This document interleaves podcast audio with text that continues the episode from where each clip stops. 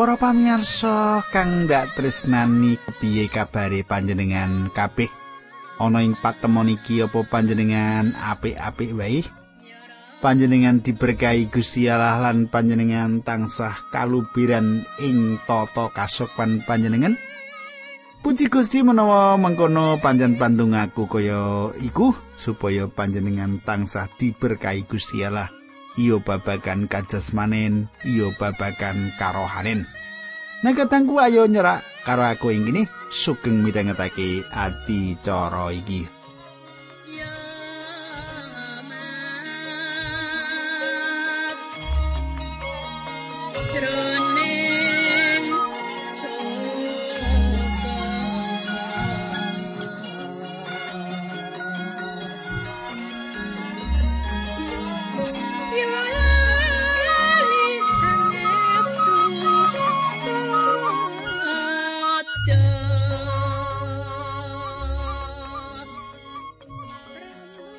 Katangku kang dak tresnani apa panjenengan isih kemutan? Apa kang dak aturake nalika pepanggian kita kepungkur? Kita ngonceki apa sing dadi pratelane Lukas pasal pitu. Kepungkur aku wis ngaturake marang panjenengan bab Gusti nimbali para murid. Lan bangun tetalese bangun pondasine omah rohani sing sentosa. Saiki kita bakal diterusake nanging sadurunge kuwi ayo kita ndedonga dhisik.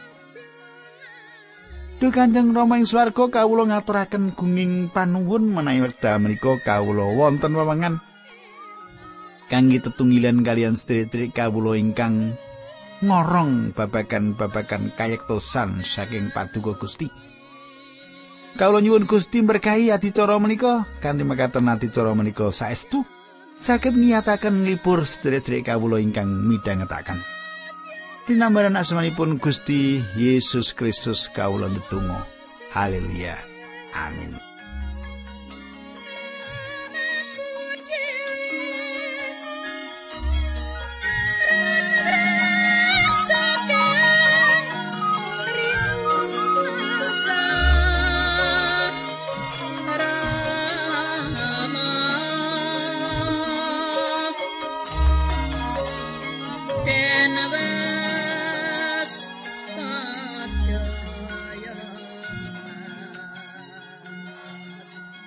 Kadangku kaya sing tak aturake ngarep, kita bakal miwiti ngegilet saka Injil Lukas bab pitu.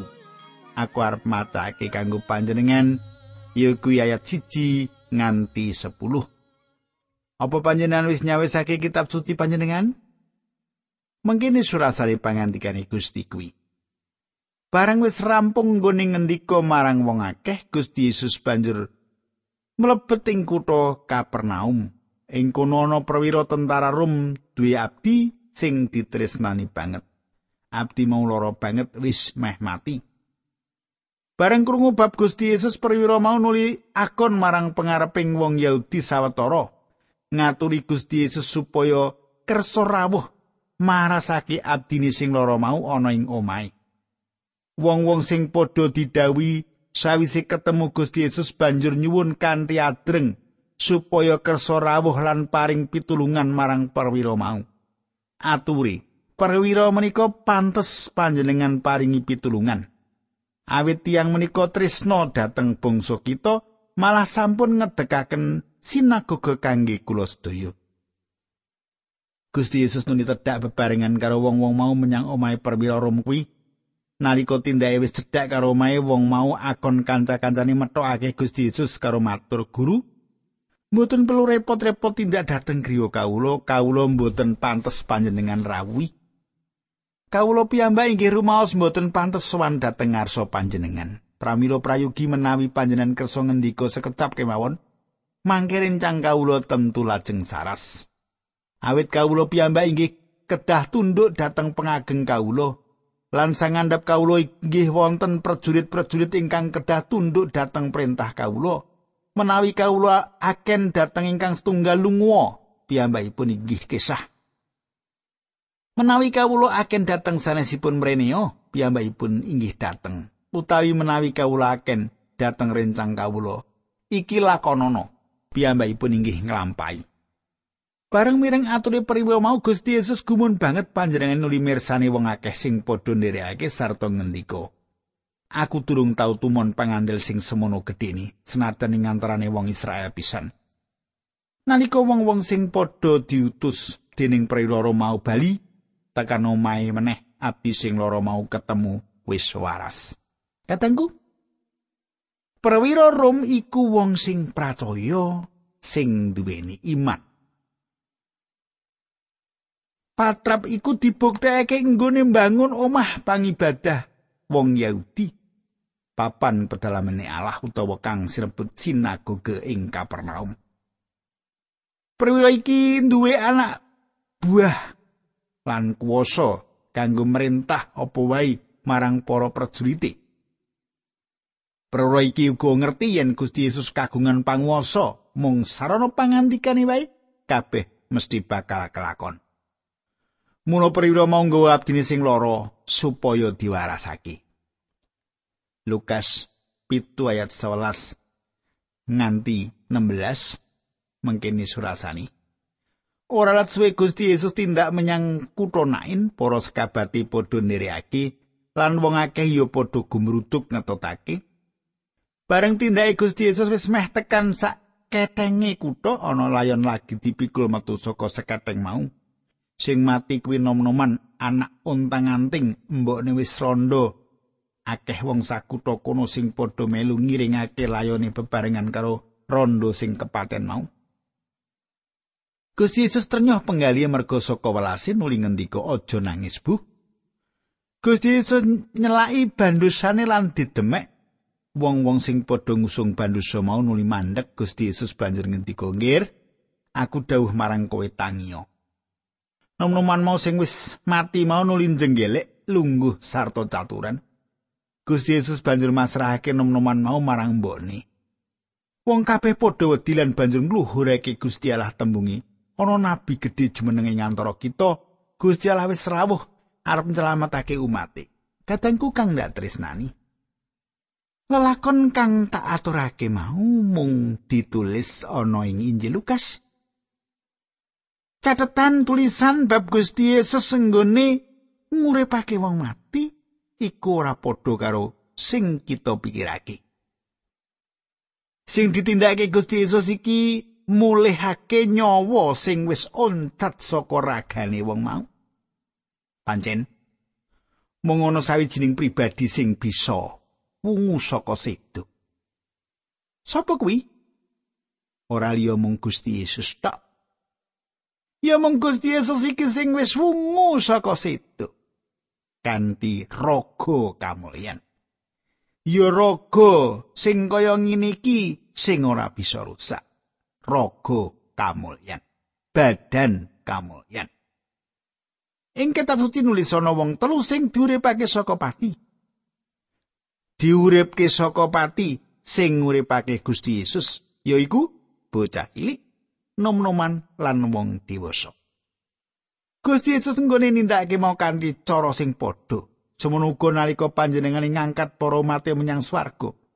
Mung kanthi sabdane para umat bakal sinengkake menyang panggonan sing dicawisake. Swara pangandikane kaya dene swara panggedene malaikat lan swara slomprete Allah sabdo pangandikane Gusti Yesus nimbali kabeh umat saka pati menyang urip kang langgeng. Saiki panjenengan tak dereake nyemak Lukas bab itu ayat pitulas nganti tekan rong puluh mengkini surasani. Kabar bab Gusti Yesus kuwi sumebar sak negara Yahudi kabeh lan ing sakiwa tengeni. Nalika Yohanes Pembaptis mireng kabar bab Gusti Yesus mau saka para sekabate nuli nimbali sekabate loro. Diutus sowan Gusti Yesus didawi matur menapa panjenengan menika Sang Kristus ingkang sampun kaweca badhe rawuh? Menapa kawula kedah ngentosi tiyang sanesipun? Sekabat loro mau nuli padha suwan marang Gusti Yesus sarta matur Nabi Yohanes Pembaptis ngutus kawula kekalih nyuwun pirsa dhateng panjenengan. Menapa panjenengan menika Sang Kristus ingkang sampun kaweca badhe rawuh? Menapa kawula sami kedah ngentosi tiang sanesipun. Kadangku kita wis ketemu Yohanes Pembaptis sing wis kita waca saka Injil Matius lan Markus, pancen isine khotbah lan carane urip ing peladusan. Yohanes Pembaptis beda karo para murid lan pelados liyane. Kanthi cara niru-niru kaya-kaya duweni urip Kristen sing standar. dikira iku bisa mujudake urip Kristen sing samestini. Urip Kristen ora urip sing mung niru-niru wae. Nanging urip Kristen yaiku urip sing tansah duwe sesambungan karo Gusti Yesus. Ora mung niru supaya kaya tumindake Gusti Yesus nanging kudu dilairake meneh. Kudu dilairake meneh kaya ngendikane Gusti Yesus marang Nikodemus. Dadi urip Kristen iku urip sing duweni pengalaman bebarengan karo Gusti Yesus. Nalika Yohanes Pembaptis ana ing pakunjaran atine sumelang, mangu-mangu nggone percaya marang Sang Kristus. Ana saweneh wong sing ngandhakake yen nalika Yohanes ana ing pakunjaran dhewe rumangsa atine kamumutan barang sing abot ora duweni pangarep-arep lan rumangsa kabuang yen ditritikan di ati sing wening Yohanes ora ngalami kaya iku mau jalaran Yohanes sing biarake rawe Gusti Yesus lan malah dhewe sing dadi cucuk lakune Yohanes ngerti banget sapa iku Sang Mesias Yohanes duweni pangarep-arep supaya Gusti Yesus kersa mimpin pemerintahan ing Israel kanthi kuwasa lan kamulyani. Mula Yohanes banjur ngongkon muridé supaya nyuwun pirsa marang Gusti Yesus.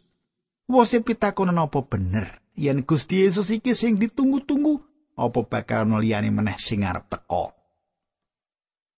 Saiki kita terusake maca Lukas pitu ayat likur nganti telulikur mengkene surasani.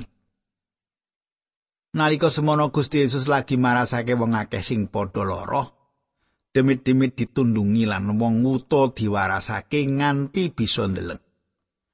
Gusti Yesus nuli ngendika mengkene baliyo. Nabi Yohanes saturana pirsa apa sing kok deleng lan kok rungu.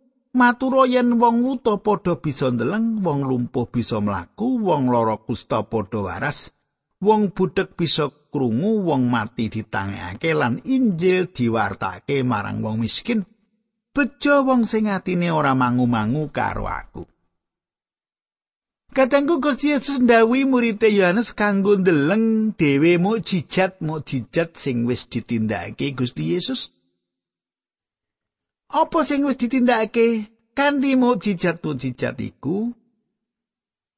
Minangka bukti kasunyatane bab pecorawe Sang Mesias.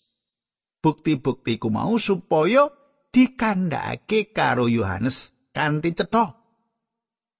Pancen Gusti Yesus ora tumindak kesusu kaya sing dikarepake dening Yohanes. Gandeng karo kahanan pamikire bangsa Israel, Gusti Yesus ngersakake supaya Yohanes tetep percaya marang apa sing ditindakake. Gusti Yesus welingi tetep padha marang kita kaya tinipi welingi marang Yohanes. Yaiku tetep percaya apa sing ditindakake kanggo kawilujengan kita manungsa. yen kita mangu-mangu iku ora teges yen panjenengan lan aku pinter nanging malah keporo keblinger rumangsa pinter kamangka keblinger jalaran rumangsa ngerti nanging nyatane cetek pikiran kita mungguh pakaryane Allah. Iya toh? Panjenengan aja keminter. Cetek panjenengan ngerti pakaryane Allah iku. Oh cetek ora jeruk. Yen kita kukuh ing keblinger kita klebu golongane wong sing bakal ora nampani kawilujengan langgeng. Saiki Injil Lukas ayat 24 nganti ayat 17. Coba panjenengan kateake ya. Sawise para utusane Nabi Yohanes Pembaptis mau padha mulih Gusti Yesus nuli ngendikake bab Nabi Yohanes marang wong akeh mengkini. Yen kowe padha marani Nabi Yohanes ana ing ora samun sejatine apa sing kok deleng ana ing kono? Apa glagah sing kanginan? Apa sing arep kok sawang? Apa wong sing nganggo sandangan mentereng? Wong-wong sing sandangane mentereng lan wong sing uripe mewah kuwi manggone ana ing kraton. Coba kondo. Kowe padha lunga menyang ora samun mau arep apa? Apa arep ndeleng nabi? Ya bener. Malah ngungkuli nabi. Awit nabi Yohanes kuwi utusan sing tekane wis kaweca ning kitab suci mengkene. Pangandikane Gusti Allah, iki utusanku sing ndak utus disi lakumu supaya nyawisake dalan sing bakal kok ambah. Katengku ya iku sing dadi pitagone Maliaki telu ayat siji lan neguhake yen Yohanes iku cucuk lakune sing rawuh. Sing bakal rawuh ya iku Sang Mesias. Saiki ayat 21 tekan 29. Sabanjure Gusti Yesus ngendika tembung ku iki katekno. Yen saka antarane wong kabeh sing urip ana ing donya iki ora ana wong siji wae sing luwih unggul ketimbang karo Nabi Yohanes Pembaptis. Ewa semono sing cilik dhewe derajate ana ing kratone Gusti Allah kuwi luwih luhur ketimbang karo Nabi Yohanes. Wong akeh klebu uga para pegawe pajak padha krungu pangandikane Gusti Yesus mau. Wong-wong kuwi wis padha mertobat serta padha njaluk dibaptis dening Nabi Yohanes. Katengku, iki kaya dene kanugrahan tumrap Yohanes kanggo mbaptis wong-wong sing percaya marang Gusti Yesus. Tak teruske ayat telung puluh nganti telung puluh Nanging wong-wong Farisi lan para ahli Taurat padha nampik kersane Gusti Allah tumrap dheweke, mulane padha ora gelem dibaptis dening Nabi Yohanes. Gusti Yesus nuli ngendika meneh, wong-wong golongan iki arep ndak upamake lan kena dipadhake karo sapa? Wong-wong kuwi kaya bocah-bocah sing padha dolanan ana ing pasar, sing sak krompol kondo karo liyane aku nglagokake lagu penganten kowe kok ora padha joget wis ndak kidungake lagu pelayatan kok padha ora nangis? Sumitraku kang ndak tresnani kahanane bocah-bocah sing gumedhe bocah-bocah sing teksura iku gambarane wong-wong sing katone setya nindakake kewajiban agama ing jaman saiki. Tak bereni kahanane bocah-bocah sing gumedhe kahanane bocah-bocah sing teksura. Iku gambarane wong-wong sing katone setya nindakake kewajiban agama ing jaman iku ya jaman saiki. Apa ya kahanan iku padha karo kahanan gereja ing wektu iki panjenengan bisa mirsani kahanan kang dumadi ing wanci iki. Lukas 7:33 lan 35 Lukas ayat itu ayat 33 nganti 35 Nabi Yohanes Pembaptis rawuh panjenengane siam lan ora ngunjuk anggur kok kok unekake kuwi wong kepanjingan demit?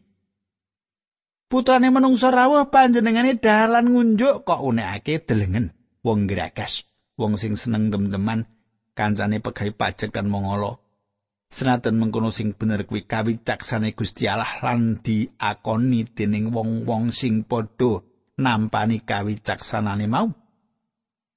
Katangku sawijining wong kondo yen aku ora seneng ngrungokake khotbahe pendeta iku. Kenapa? Jalaran sok kuminter. Wicarane rata. Ora ana isine monoton. sing liyane kandha yen. Aku ora seneng pendeta sing kae. Jalaran yen micara bengok-bengok lan gedhok-gedhok mimbar. Satemene iki tutu perkarane pengkhotbah. Satemene iki tutu perkarane pendeta-pendeta mau sing dadi perkarane wong-wong mau dadi bayi secara karohanen sing aleman kaya dene sing dingendikake Gusti Yesus. Sing nganti dinane iki isih ana kedadian sing kaya ngono iku. Lukas pitu ayat 36 nganti 39. Ana wong Farisi jenenge Simon ngaturi dahar Gusti Yesus ana ing omahe. Gusti Yesus tuli rawuh ing omah mau lan lenggah dahar. Ing kutha kono ana wong wadon tuna susila bareng Krungu yen Gusti Yesus lagi dahar ana ing omahe wong Farisi, wong wadon mau teka mrono nggawa botol isi lenga wangi. Wong wadon mau ngadeg ana ing mburine Gusti Yesus cedhak sampeyane karo nangis luwe dleweran. Tumetes nelesi sampeyane mau kang nuli diusapi nganggo rambute diambungi lan dilengani nganggo lenga wangine. Simon wong Farisi sing ngaturi dhahar Gusti Yesus weruh apa sing ditindakake dening wong wadon kuwi. Wong Farisi mau mosek ing atine, yen Yesus kuwi nabi temenan, mesti ya pirsa yen wong wadon sing demek sampeyane kuwi wong tuna susila. Katanggu. Wong-wong Farisi nalika ing dalan ora bakal ngomong karo wong wadon tuna susila kaya iku. Ora bakal ngomong-ngomong. Ora bakal nyedhaki. Bisa uga wong-wong Parisi mau wis padha kencan karo wong wadon mau. Mung ora ing wayah awan. Nek awan wong Parisi ning dalan ora ngomong, ora gepok singgel. Ning nek wayah bengi, wong liya ora ngonangi, wong Parisi mau kencan karo wong wadon mau. Apa panjenengan yo ngono? nek awan kita suci, kita api, kita rohani, nek bengi keluyuran. Tak terus ke, Lukas pitu ayat patang puluh, nganti ayat patang puluh papat. Mengkini surasani. Mulane Gusti Yesus nuli ngendika marang Simon, Simon, aku arep omong setitik karo kowe. Wang surane Simon, monggo guru, kaula aturi ngendikaaken. Gusti Yesus nuli ngendika ana wong loro sing padha duwe utang marang tukang ngutangake. Sing siji utange 500 dinar, sijine 50 dinar. Wong loro mau padha-padha ora bisa nyaur utangi, mulane wong sing ngutangake nuli nilake utange wong loro mau. Saiki aku takon, ing antarane wong loro mau, endi sing luwih gedhe tresnane marang wong sing ngutangake mau? Kawula kinten inggih tiyang ingkang sambutanipun langkung kathah wau. mengkono wangsalan Simon pangandikan Gusti Yesus bener Gusti Yesus tuli mirsani wong wadon mau banjur ngendika meneh marang Simon. Kowe rak weruh wong wadon iki? Nalika aku mlebu omahmu kowe ora nyawisi banyu kanggo wiso sikil. Nanging wong wadon iki wis nelesi sikilku srana luwe banjur diusapi nganggo rambute Kakangku kang ndak tresnani maune Gusti Yesus ora melu marang wong wadon iku nanging paningale Gusti Yesus mirsani wong wadon mau. Lan nyentulo marang Simon sing lungguh ing ajengi Gusti Yesus.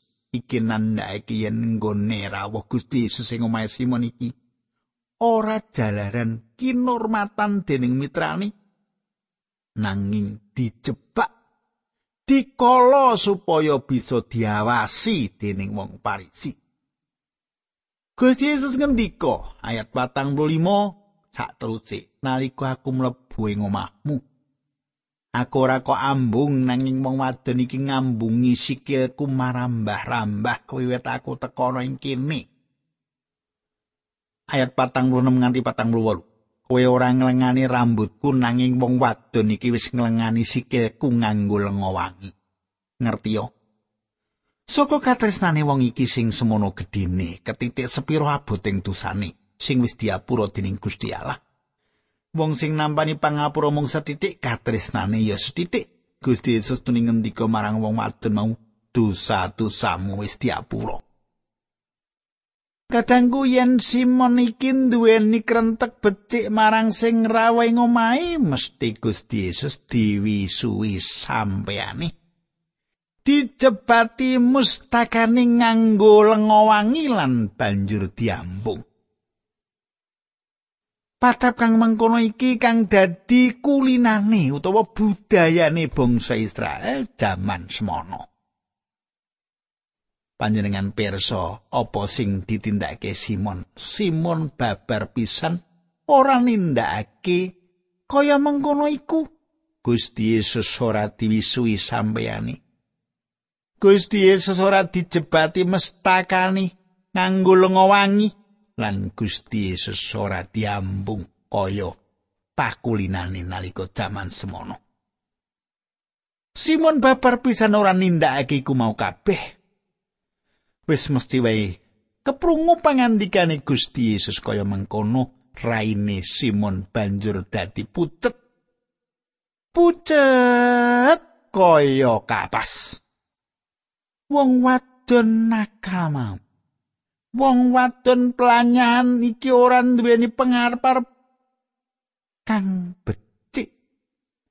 Ora duwe pangarep-arep bisa urip kang apik mula banjur nyuwun pangapura marang Gusti Yesus. Apa sing ditindakake Gusti Yesus? Apa Gusti Yesus ora maringi pangapura? Gusti Yesus nuli maringi pangapura marang wong wadon mau. Senadyan ning paribasan dosane sak gunung anaan nanging dadi lunas jalaran Gusti Yesus paring pangapura marang wong iku. Lukas pitu ayat patang puluh songo nganti seket. Wong akeh sing padha bebarengan mangan karo Gusti Yesus padha rerasanan. Wong kuwi sapa to? Kok wani-wani ngapura dosane menungso? Nanging Gusti Yesus ngendika marang wong wadon mau, pengandelmu sing mitulungi kowe wis lunga kanthi slamet. Kadangku yen kita panjenengan lan aku dadi warganing pesamuan sawijining gereja. Mongko ora nyuwun pangapura kita dadi wong sing ketriwa. Wong wadon sing diceritakake mau ora duweni labet tumindak becik. Nanging jalaran percaya marang Gusti Yesus, wong wadon mau diapura dosane. Lah priye mungguh panjenengan lan aku? Apa panjenengan yo nyuwun pangapura atas dosa sing panjenengan tindakake? Panjenengan kaya wong wadon mau ngetuni dosa sing wis ditindakake, panjenengan kepengin mertobat? Nyuwun pangapura karo Gusti Yesus, panjenengan bakal pinaringan pangapura. Monggo kita tunggu. Kanjeng Rama ing swarga kawula matur nuwun pangandikanipun Gusti. Kawula ngaturaken kuing panuwun menawi para pamirsa saged kalibur lan kagiyatan iman kapiyandelanipun. Dinambaran asmanipun Gusti Yesus Kristus kawula netunggal haleluya amin